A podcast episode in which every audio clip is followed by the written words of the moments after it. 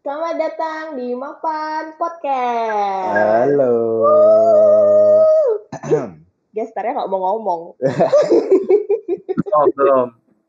dari, dari dulu emang kita punya gestar tuh selalu malu-malu gitu. Kan masih opening.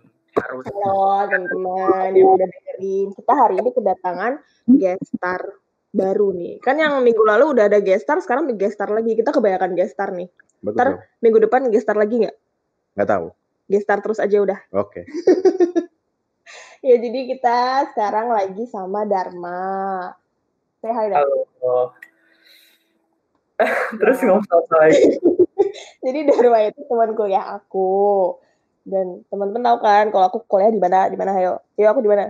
Eh, eh, kuliah yang di Jogja itu loh. Kalah. Jadi aku kuliah di psikologi UGM, terus Dharma juga di psikologi UGM. Nah, karena kita sama-sama psikologi, kita mau ngomongin tentang psikologi-psikologi gitu deh. Ya, Iya. psikologi Oke. apa nih? Jadi teman aku Dharma itu gimana ya ngomongnya ya? Punya masa punya penyakit der kayak nggak nggak asik banget ya? Eh, Punya hidup dengan eh, OCD. Nah, itu dia. Apa tuh OCD? Ada yang Oke. tahu nggak? Itu loh dari Kobusir itu loh yang bukunya OCD buat bodybuilding. Iya, benar sih. Benar sih. Itu juga OCD. itu itu dia. Jadi buat teman-teman eh, OCD itu bukan kayak yang di film-film yang yang apa ya? apa? Contoh filmnya apa coba? Nggak tahu. Kayak aku tuh kebanyakan ngeliat kalau di film-film tuh kayak dilebay-lebayin gitu nggak sih dari OCD itu? Tapi ada benernya. Eh, mungkin salah satu contoh case-nya di Glee, inget nggak karakter Ini si apa siapa namanya? ya, si apa eh si eh, apa pacarnya gurunya Mr. Shu.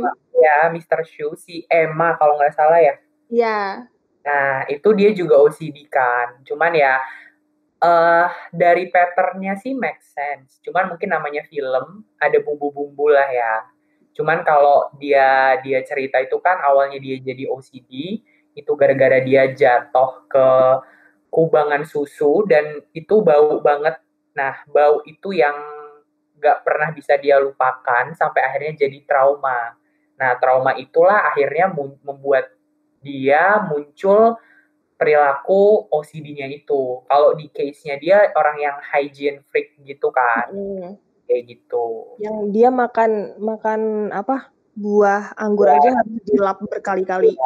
Iya, gitu sih. Eh, mungkin mungkin aja sebetulnya, cuman ya namanya film tetap ada bumbu-bumbunya. Cuman karena itu eh, based on apa ya daily basis, jadi eh, ada kurang lebih yang case-nya ada yang seperti itu. Aku juga pernah nonton yang eh, worst case-nya juga ada gitu sih. Aku pernah pernah lihat film yang dia bersih bersihin tangan berkali-kali tapi sampai tangannya tuh berdarah. Eh, itu kalau nggak salah dokumenter ya. Aku kalau nggak kalau nggak salah itu bukan exact film komersial gitu ya.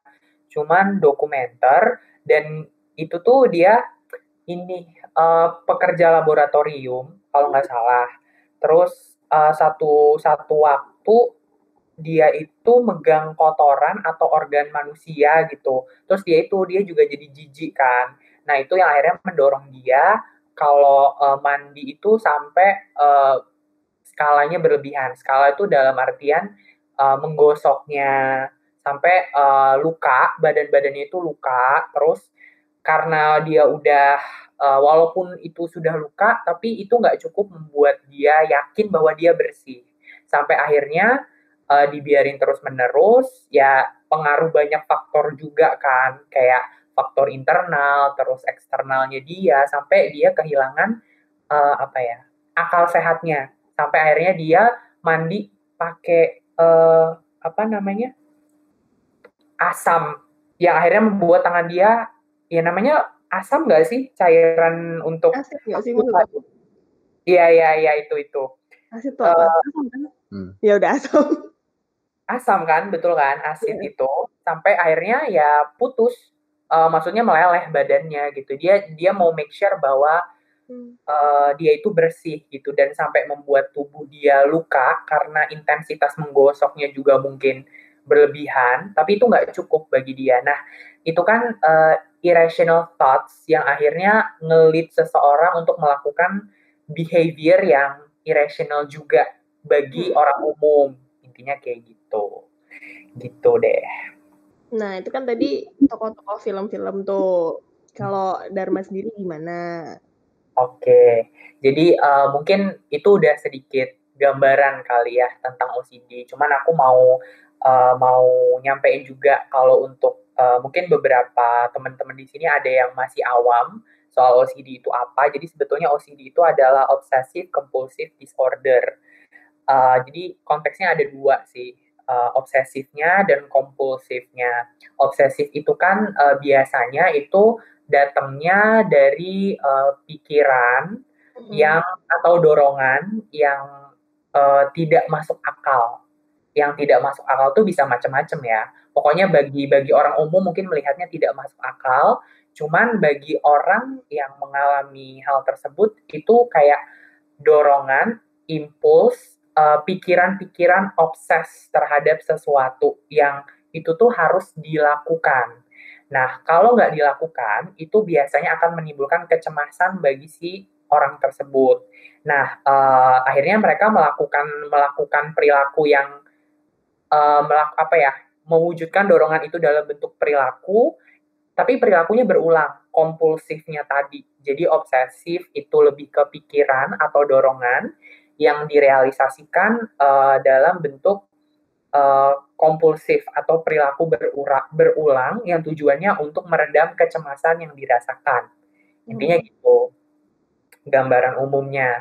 Nah, uh, case-nya banyak macamnya. Tadi contohnya yang udah aku jelasin di depan. Dan kalau aku pribadi, uh, ada fase-fasenya dan masa-masanya kalau dulu tuh aku aku yang aku ingat awalnya itu memang aku hygiene freak banget terutama SMP SMA jadi uh, beberes rumah setiap hari uh, setiap jam 5 sore itu beberes rumah dan itu tuh sebetulnya keadaannya nggak berantakan gitu. Tapi bawaannya itu mau mau ngeberesin aja, mau jadi kayak udah tertata nih ya, udah aman-aman aja, nanti aku bongkar dari awal lagi. Terus aku bersihin kayak macam-macam mulai dari nyapu, ngepel, terus bersihin pernak-pernik yang ada di uh, lemari pajangan. Itu pernah uh, di tahap seperti itu. Terus uh, dalam kegiatan belajar juga sebetulnya kayak gitu, uh, kayak nulis. Jadi aku tuh uh, waktu kayaknya sebelum uh, TK nol besar itu aku dilesin nulis sama ibuku. Aku kira saat itu uh, dilesin nulis itu adalah sesuatu yang wajar untuk setiap anak gitu ya. Ternyata makin ke sini aku tuh tahu kalau ketika aku cerita ke orang aku pernah les nulis, mereka kayak yang, hah ngapain lo les nulis yang kayak gitu loh. Nah ternyata itu bukan sesuatu yang common untuk kebanyakan orang. Nah, waktu aku les nulis itu benar-benar uh, didikte untuk yang kalau kamu ngelihat bentuk A, huruf A, yaitu harusnya harus, pokoknya harus jadi bentuk A juga gitu loh. Jadi benar-benar harus exactly, precisely sama seperti apa yang seharusnya. Seolah-olah nggak ada ruang untuk salah. Sampai akhirnya itu membentuk aku yang uh, dalam kegiatan belajar itu tuh apa-apa itu harus gitu loh. Contohnya tadi menulis itu harus seperti yang yang yang seharusnya kayak yang diajarkan kalau bentuk A, B, C kayak gitu ya harus seperti itu dan harus tegak bersambung. Terus um, itu kalau dalam menulis, terus kalau kayak skripsi kemarin kan, uh, mungkin Vina juga tahu kan skripsiku gimana, maksudnya uh, setebal itu proses menulis juga. Uh, sampai akhirnya kan kemarin lulus uh, apa ya tanpa ada revisi gitu dari dosen. Sebetulnya nggak menyangka karena selama prosesnya goal aku bukan bukan kayak gitu. Yang aku tahu adalah ini tuh nggak sempurna aja harus ini tuh selalu ada salah selalu ada kurang, nggak begini, nggak begitu tulisannya. Dan sebetulnya itu aku bisa akuin itu irrational thoughts sih. Yang nggak ada yang pernah bilang juga bahwa itu kurang ini, kurang ini. Itu hanya dorongan dari diriku. Yang kalau aku nggak nggak terus mengedit tulisanku, aku akan cemas dan kepikiran itu.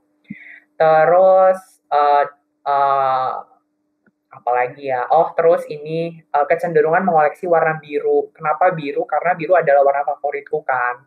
Uh, jadi dari dari dulu tuh memang ngerasa self identity itu penting juga untuk aku. Jadi uh, what kind of the things that makes uh, that makes people remember about Dharma is Dharma suka warna biru gitu. Jadi tendensiku untuk mengoleksi warna biru itu cukup tinggi dan yang buat nggak masuk akal ada beberapa kasus ya. Salah satu contohnya itu yang paling aku ingat adalah aku pengen banget uh, punya gunting Faber Castell warna biru. Exactly itu yang ada di bayanganku dan itu yang aku mau gitu. Terus aku sampai di Jogja waktu itu awal-awal kuliah, aku keliling ke uh, empat tempat, empat Gramedia. Boleh nyebut merek nggak sih? Boleh, boleh nggak apa-apa ya ke empat toko buku gitu untuk nyari eh, sampai ke empat toko buku untuk nyari exact gunting yang aku mau which is uh, Faber Castell yang warna biru gitu. Padahal di di tempat-tempat itu banyak opsi gunting yang lain cuman nggak bisa. Kayak doronganku tuh ya harus itu gitu loh. Harus uh, uh, sesuatu yang sama seperti yang ada di bayanganku dan keinginanku Terus masalah mandi juga ini uh, Vina juga mungkin tahu ya waktu KKN. Betulnya pertama kali aku uh, come up ke orang tentang part ini itu adalah waktu KKN gitu. Karena kan kita berdua puluh empat satu rumah rada nggak mungkin gitu loh kalau aku nggak jujur. Nanti takutnya jatuh mandi juga kan Der ya satu kamar mandi takutnya malah jadi omongan yang enggak enggak jadi mau nggak mau aku jujur. Dari dulu tuh aku uh, mandi memang lama sih kayak bisa satu setengah atau dua jam. And I think it's normal awalnya gitu. Sampai akhirnya uh, hidup sendirian di Jogja ternyata nggak kayak gitu ya kebanyakan orang gitu. Karena aku kenapa bisa selama itu? Karena uh, ketika aku mandi itu ada rit dalam tanda kutip ya ritual-ritual yang aku lakukan. Contohnya hmm. ada hmm, bukan ritual itu, aku itu cuma ritual yang lain.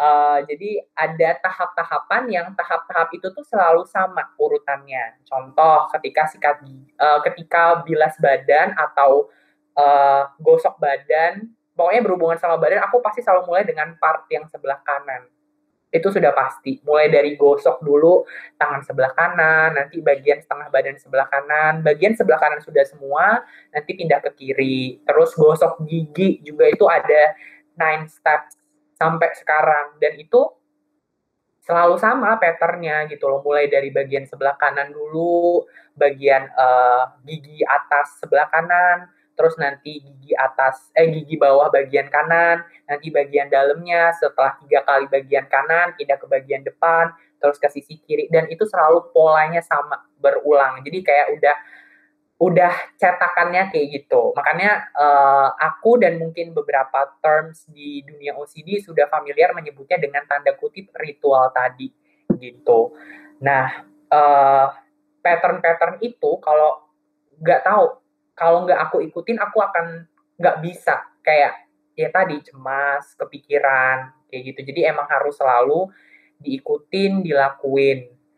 Uh, kemudian contohnya juga Vina juga pasti tahu kalau uh, aku kayak nggak menyimpan apa pun dokumen-dokumen nggak penting di HP kayak emailku itu semua bersih beda banget kan? Kayak kalau kebanyakan orang kan kalau kita lihat emailnya sampai ribuan nggak dibuka gitu ya. Aku nggak bisa. Kayak itu sudah udah rutinitas sebelum tidur dan bangun tidur pasti beberes-beres dokumen. Kayak ngecekin patternnya sama. Aku buka uh, handphone pasti layar pertama yang aku cek. Ini aku sembari ngecek ya. Uh, jadi hafal gitu. Pasti aku buka fotos aku cek dulu foto-foto ada yang nggak berguna atau nggak apa. Aku cek lagi delete deletein yang nggak penting. Terus hanya menyisakan foto-foto yang menurutku penting Dari foto cek uh, bagian clock itu alarm. Aku aku tuh pasti selalu setting alarm dari jam 7 sampai jam 8 setiap 5 menit sekali. Jadi jam 7, jam 7 lewat 5, jam 7 lewat 10 gitu sampai jam 8. Iya, cuman kan ada ada special cases yang mungkin aku butuh bangun lebih awal kan. Jadi hmm. pasti aku aku edit. Cuman aku akan tetap mengembalikannya kembali ke jam 7. Enggak tahu, harus jam 7 aja gitu. Misalnya mungkin satu waktu oh besok aku harus bangun pagi nih, ya udah malam ini aku cepetin alarm jam 5. Tapi nanti ketika aku sudah bangun jam 5 itu aku akan kembalikan lagi semua alarm itu kembali ke jam 7 ke seperti seharusnya. Itu bagian clock, kemudian bagian notes aku juga beberes-beres, bersih-bersih, bagian phone record, uh, phone book, email apalagi, terus uh, e-commerce itu kan kadang sering ada notif-notif ya yang muncul kayak apa pop up notif gitu dan itu kan kadang memunculkan notif kalau di iPhone itu kan ada angka berarti ada notif yang belum dibaca kan. Nah itu aku paling nggak bisa sih stance dengan itu. Pasti aku bukain semua e-commerce notif-notif yang belum terbuka aku dilihat-liatin sampai bersih. Bahkan sosmedku sosmedku pun fotonya cuma dua gitu loh. Jadi sering menghapus nggak tahu ngerasa ngerasa nggak tenang kalau nggak ngapus ngerasa ada yang kotor ada yang tersisa. Dan aku harus make sure itu tidak ada yang tertinggal gitu loh. Uh, begitu juga kadang uh, di sosmed misalnya udah foto gitu ya udah kayaknya udah udah aman-aman aja nih foto udah nanya ke beberapa orang butuh misalnya uh, convincing orang gitu ya uh, nanya pendapat udah oke okay, belum udah tapi aku nanti ujungnya nggak jadi upload atau udah di upload ngerasa ada yang jelek aja terus nanti di delete ujung-ujungnya nggak ada dokumentasi kayak gitu sih uh, terus apalagi ya sebetulnya yang paling menonjol itu adalah masalah mandi. Kalau uh, tendensi warna biru tuh sekarang masih masih kayak ngerasa harus harus harus. Even kadang nggak suka pun ngerasa dorongan harus warna biru tuh ada. Uh, terus hygiene freak sebetulnya udah bisa menoleransi kayak beberes-beberes itu nggak separah dulu. Tapi kalau beberes sosmed kayak yang tadi beberes-beres masalah pekerjaan, tulisan segala macem itu sampai sekarang masih sih. Bahkan waktu skripsi itu aku inget banget, kan kita biasa kan aku kualitatif ya, which is itu membuat sebuah cerita. Nah, itu kan kita menggunakan kata ganti banyak orang kan. Misalnya aku subjekku Vina nih. Nanti aku tuh harus make sure di kalimat pertama aku menggunakan kata Vina. Nanti kalimat kedua Vinanya nggak boleh harus iya. Nanti di kalimat ketiga gantinya gitu loh. Dan itu berpattern. Kayak misal uh, Vina adalah anak yang rajin ia suka belajar. Dia uh, uh, sudah iya kan, terus dia dia belajar dari saudaranya misalkan. Terus nanti di kalimat keempat kembali lagi ke kata Vina, kata ganti orang. Nah itu tuh yang nggak aku akuin, it's irrational thoughts. Cuman nggak tahu harus precisely kayak atau seperti mindset yang yang udah aku bentuk di pikiranku kayak gitu sih. Terus apa lagi ya? Udah sih. Uh, terus aku juga lebih suka uh, uh, persisi kan, kayak maksudnya uh, bentuk tuh harus rapi, tertata. Kalau nyusun baju tuh juga berdasarkan warna.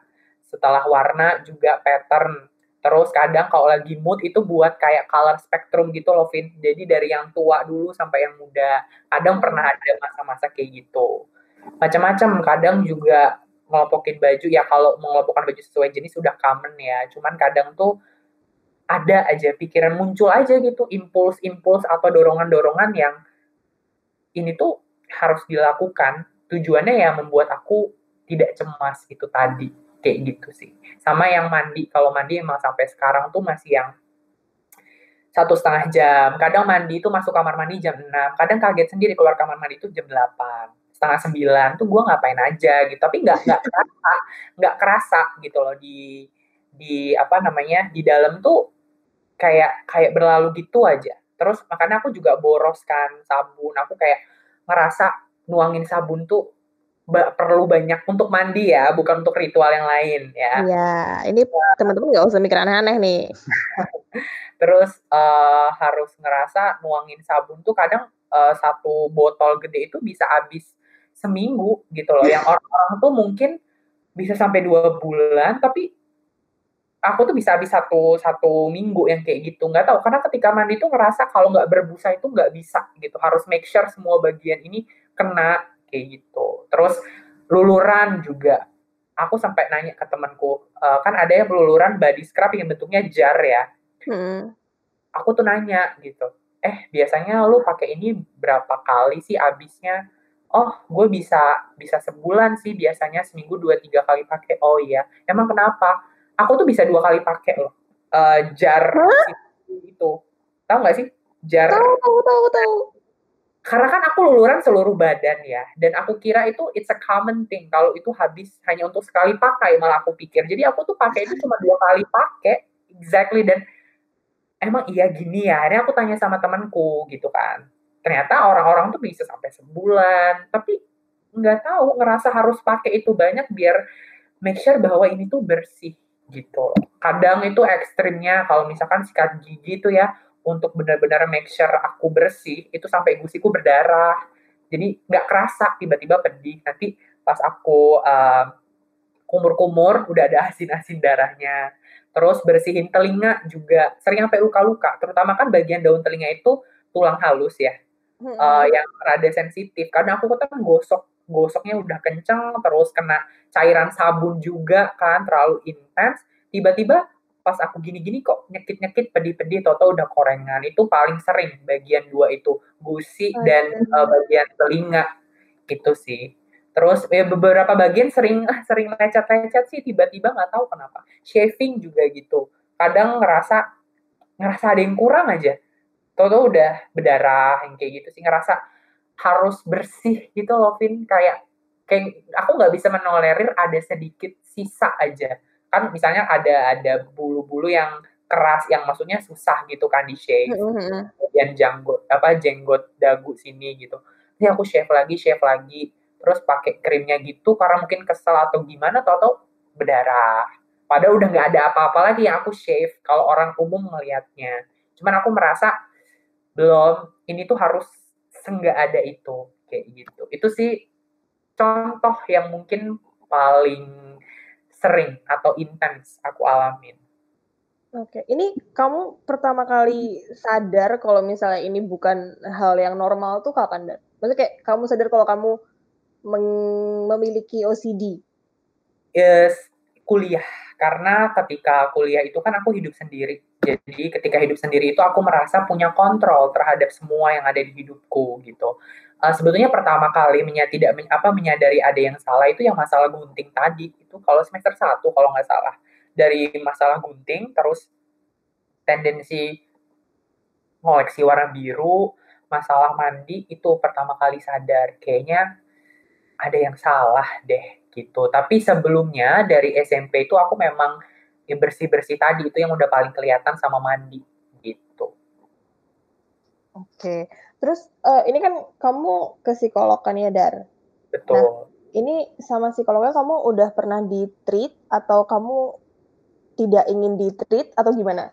Oke, jadi cerita sedikit. Sebetulnya benar uh, awal datang ke psikolog itu tujuannya bukan untuk mengobati dalam tanda kutip, uh, bagian OCD-nya. Karena hmm. memang uh, previously itu ada ada isu juga soal self acceptance atau penerimaan diri secara umum gitu. Hmm. Nah, penerimaan diri di sini maksudnya adalah uh, ada ada isu tentang real self, diri aku sebenarnya dengan ideal self. Ideal self ini diri ideal yang aku harapkan aku menjadi seperti itu but in fact aku tidak seperti itu karena berbeda dengan real self. Paham lah ya. Jadi ada real yang nyata dan apa yang diharapkan atau idealnya. Nah, OCD menjadi dharma yang perfectionist yang harus ini itu itu ada di diriku yang ideal. Itu. Jadi OCD itu adalah part dari ideal selfku yang mana sebetulnya kalau ditarik lagi masalahnya tentang penerimaan diri kayak gitu. Nah, sampai ini mungkin pertama kali aku open di public gitu ya, and uh, I I did it in in full of awareness saat itu aku punya semacam alter ego. Jadi kalau mungkin ya itu alter ego itu adalah gambaran dari ideal self aku tadi yang aku namain adalah Dennis. Sampai di tahap itu gitu. Kenapa Dennis gitu? Eh, nggak uh, tahu itu hanya nama yang tiba-tiba pop up di pikiranku yang muncul bahwa si Dennis ini adalah opositnya Dharma yang real self ini gitu loh. Dennis ini adalah sosok Dharma yang sempurna lah yang sesuai dengan bayanganku. Nah, sosok Dharma yang OCD dan perfeksionis inilah yang ada di diri Dennis. Intinya kayak gitu. Jadi jadi uh, eh, OCD itu sebetulnya lebih ke manifestasi dari penerimaan diri, bukan penyebab. Kalau di case aku ya, ya orang kan case-nya beda-beda. Ada yang penyebabnya OCD dia gimana-gimana. Tapi di aku tuh sebetulnya ada akarnya lagi nih. Kenapa kok bisa OCD? Ternyata ada penerimaan diri gitu. Jadi si OCD ini adalah hasil atau manifestasi dari isu tentang penerimaan diri itu. Terus uh, kalau yang OCD-nya sendiri itu aku memang udah discuss sama psikologku dari pertama kali uh, sesi konseling. Uh, memang tendensinya kuat ke situ. Psikologku pun bilang gitu. Uh, besar arah situ gitu. Tapi aku tidak pernah menjadikan OCD itu sebagai suatu masalah. Makanya bukan bagian itu yang diobatin. Kenapa? Karena aku merasa selama ini dengan aku memiliki apa OCD itu membantu aku sih dalam proses belajar. Misalnya high achieve high achiever kan. Jadi apa-apa tuh ambis, sempurna. Nah, itu membantu gitu. Di satu aspek membantu, tapi ternyata di aspek lain merugikan. Jadi, tapi ketika ke psikolog itu aku nggak pernah eh, nggak uh, pernah benar-benar minta exactly di treatment soal OCD-nya. Cuman uh, lebih ke penerimaan diri itu. Nah, uh, iku apa ngikutin beberapa prosedur treatment tentang penerimaan diri yang itu akhirnya berpengaruh ke pikiran obsesifku. Berpengaruhnya seperti apa? Ketika aku udah mulai bisa menerima diriku dengan baik pikiran-pikiran yang obsesif yang sangat amat irasional itu kadarnya berkurang intensnya intensitasnya. Kayak aku nggak nggak begitu maksain banget lah. Kalau dulu itu kan terbiasa dengan pikiran harus kayak gitu harus sesuai standarku begini begitu nah itu intensitasnya berkurang sehingga aku lebih bisa berdamai dengan sesuatu yang misalkan nggak bisa aku kontrol. Contohnya ketika KKN kan, karena itu it's a big challenge banget loh untuk untuk aku personally gitu ya. Aku yang punya isu uh, tentang kesempurnaan, kebersihan atau apa, tiba-tiba ditaruh di tempat KKN dengan 23 orang lain yang kamu nggak tahu behaviornya seperti apa, tahu sendiri Vina keadaannya gimana kan saat itu. Dan ya aku harus apa ya, ya harus kompromi dengan itu. Jadi memang sebelum KKN pun aku udah di treatment uh, di psikolog untuk bisa berkompromi dengan hal-hal yang nggak bisa aku kendalikan, misalkan gitu. Itu sih. Oke, jadi kalau kalau Dharma benar-benar living with OCD ya, karena karena nggak nggak apa nggak di treat gimana sih maksudnya kayak yeah. nggak secara langsung di treat tapi yang di treat yeah. yang lainnya Betul, gitu yang, yang yang akhirnya mempengaruhi juga OCD-nya. Jadi lebih ke yang kalau sebelumnya kan harus gitu ya diikutin. Kalau sekarang itu masih harus juga, cuma lebih bisa menolerir. Jadi beriringan aja gitu. Jadi ya OCD itu bagian dari diriku. definitely it's not an achievement, bukan sesuatu yang aku bangga atau glorify juga nih. OCD enggak, karena itu repot banget. Tapi ya itu bagian dari diriku kan. Jadi mau nggak mau ya aku harus take care dan juga nurturing, aku rawat gitu. Itu aja sih. Jadi selama aku masih punya kontrol dan kendali untuk merawatnya, mengendalikan, I'm fine. Cuman ketika aku ada di lingkungan atau di lingkup hidup yang aku nggak bisa kendalikan, nah struggle aku adalah menerima hal tersebut gitu dengan tidak berusaha untuk merubah sesuai dengan yang aku inginkan lebih adaptasi sih gitu Nah, ini buat teman-teman banget ya. buat teman-teman yang dari tadi dengerin terus merasa, "Oh, aku gini banget nih aku gini banget nih." Belum tentu, guys. Kalau misalnya kalian dengerin, uh, contoh-contohnya Oh, Dharma, belum tentu banget kalau kalian itu OCD. Ingat, kalian harus ke Iya. psikolog dulu, harus clinically diagnose dulu, Oh. jangan self diagnose, ya nggak, Il? Iya, jangan kayak jangan kayak temenku yang dia OCD-nya itu wudu kan, dia wudu sampai basah kuyup, terus, eee, sama ortunya dibawa ke ustadz atau apa, terus diruqyah, terus hilang katanya OCD-nya. Itu nggak, Dar? Oh, iya? Kata dia kayak gitu, heeh. Oh. Tapi ketika dia berwudu, kenapa harus sampai basah kuyup? Tujuannya apa? Eee, biasanya tuh dia ini, jadi misalnya, eee, tangan nih, tangannya ternyata eee, nggak sampai siku basahnya, tapi dia udah udah kayak setengah jalan. Terus kayak, "Oh, Oke. men harus ngulangin dari awal, harus perfect, wudunya tuh harus perfect," gitu. Jadi kalau nggak perfect, dia bakal ngulangin dari awal, makanya sampai selalu dulu pas SMA itu baju dia basah kuyupnya minta ampun kayak orang habis mandi gitu. Padahal cuman wudu, Dar. Dan itu hanya ketika wudu gitu ya? Maksudnya ada nggak perilaku lain yang dia punya mindset harus kayak gitu? Kalau nggak Nggak gitu tahu sih. ini sih, kebersihan sih, hygiene juga kayak kamu gitu. Dia juga kebersihan tuh harus rap barang dia kan punya apartemen tuh di Jakarta, dia tinggal sendiri, barang harus rapi, eee, harus bersih, eee, pokoknya naruh barang, ini tuh harus di sini, itu harus di situ gitu, nggak boleh dipindah ke tempat lain, kayak gitu. Oke oke. Jadi mungkin gini ya, untuk teman-teman yang dengerin juga, kalau dari cerita, eee, temennya Rio tadi, eee, apa ya, kadang itu sih ya tadi, orang tuh sering self diagnose kan, kayak gue gini dikit, oh pasti gue ini, belum tentu gitu, harus hati-hati juga gitu. Mungkin, eee, cerita temennya Rio tadi itu ada tendensi ke situ, karena kan salah satu tendensi kuat orang yang punya atau kecenderungan kuat orang yang punya OCD itu adalah perilaku perfectionis perfectionism-nya kan. Nah, itu mungkin jadi salah satu ciri-cirinya. Cuman ya nggak nggak sesederhana juga misalkan karena aku, eee, pernah dengar cerita beberapa orang gitu ya, ada temenku juga yang dia itu punya rumah pernah kebakaran gitu.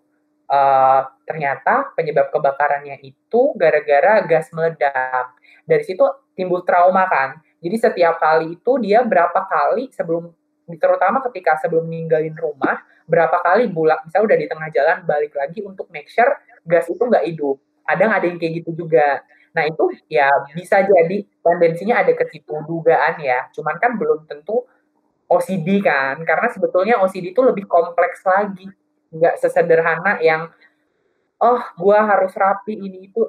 Eee, ada sesuatu tadi yang mungkin membedakan adalah impuls atau dorongan-dorongan yang membuat dia cemas yang intensitasnya sudah tidak wajar. Nah, tidak wajarnya seperti apa kan ada ada ilmunya lagi ya, maksudnya kalau di di psikologi kan kita, eee, PPDGJ gitu kan ya, Vin, penggolongan Hmm. gangguan jiwa. Nah, itu perlu perlu kita perlu pendampingan profesional untuk benar-benar tahu. Karena ada juga tuh yang bilang karena kan ada orang, eee, iseng-iseng gitu, "Oh, gue tuh orangnya OCD, kalau ngelihat feed IG harus begini begitu." Iya, mungkin mungkin itu bukan OCD, itu hanya tendensi perfeksionis kamu yang yang kadang suka dilebih-lebihkan menjadi OCD gitu. Kadang nggak nggak nggak sesederhana itu sih.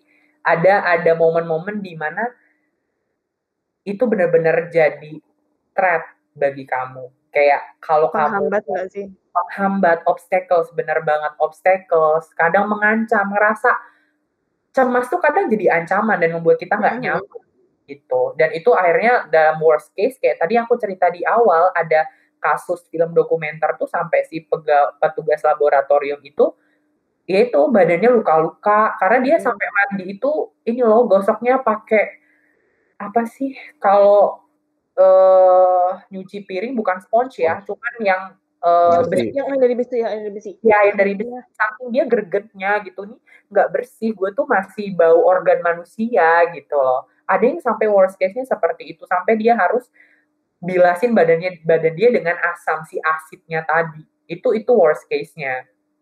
Jadi untuk teman-teman yang dengar juga kalau, eee, apa ya, kita merefleksi sih boleh-boleh aja ya, cuman untuk bisa sampai di kesimpulan, "Oh, aku OCD," itu lebih baik kalau untuk lebih tahu ya selain riset sih yang paling benar tuh ke profesional gitu sih. Gitu sih. Pesan aja. Ya. oke. Okay. mungkin uh, itu dulu kali ya dari ya. Nanti kalau misalnya lama-lama nanti jadi kuliah nggak sih kita dua ya? Betul. Itu udah kayak kuliah loh sebetulnya. Ya nggak sih? Nggak nggak kerasa gitu. Oke okay, jadi Iya, jadi buat teman-teman yang udah dengerin, OCD itu kayak gini, Dharma itu living with OCD. Terus jangan self diagnose. Aku ingetin sekali lagi jangan self diagnose. Kalau tadi kayak Dharma bilang kan, kalau misalnya kamu ingin menjaga sesuatu untuk tetap rapi, itu bukan OCD. Ya, tapi bukan. itu bisa saja, tapi belum tentu. Mm -mm, bisa aja. Oke, dari dia ada tambahan? Iya. Apa dan apa dan apa dan? Enggak sih, cuman kayak uh, mungkin ke arah situ. Cuman belum tentu bisa aja ya perfeksionismenya yang apa ya masih bisa ditoleransi atau enggak gitu sih. Kadang kan kalau OCD itu kadang ada yang nggak bisa ditoleransi banget, makanya sampai dia nekat melakukan yang perilaku tidak masuk akal. Intinya kan gitu. Itu aja sih. Oke, kalau gitu itu dulu dari Mapan Podcast dan Dharma. Sampai jumpa di episode... Oh, belum. Tunggu. Jangan lupa follow Instagram Mapan Podcast at mapan.podcast. Uh, follow Spotify, mapan.podcast. Eh, Mapan Podcast aja. Yeah. Terus di Apple Podcast juga ada. Anchor ada. Di Anchor juga ada. YouTube juga ada. Emang ada? Ada. Oh, YouTube juga ada. Terus, sampai jumpa di ya. episode selanjutnya eh wait aku tuh mau ngucapin makasih dulu loh kayak thank you oh. Kenapa? Kan aku belum ngomong makasih udah invite aku. Oh ya udah, ya ya oke oke oke. Eh, any last words from Dharma? Uh, cuman mau ngomong makasih untuk teman-teman mapan kesempatannya udah bisa sharing. Semoga uh, bisa bisa menambah apa ya? Uh, yang dengar jadi manfaat juga ya anggap aja kayak kuliah umum, cuma lebih santai. Iya. Jadi uh, pengalaman, semoga bawa manfaat dan sukses untuk teman-teman mapan. Thank you. Thank you juga Dharma. Oke. Okay. Uh, see you guys later. Sampai jumpa di episode selanjutnya. Bye.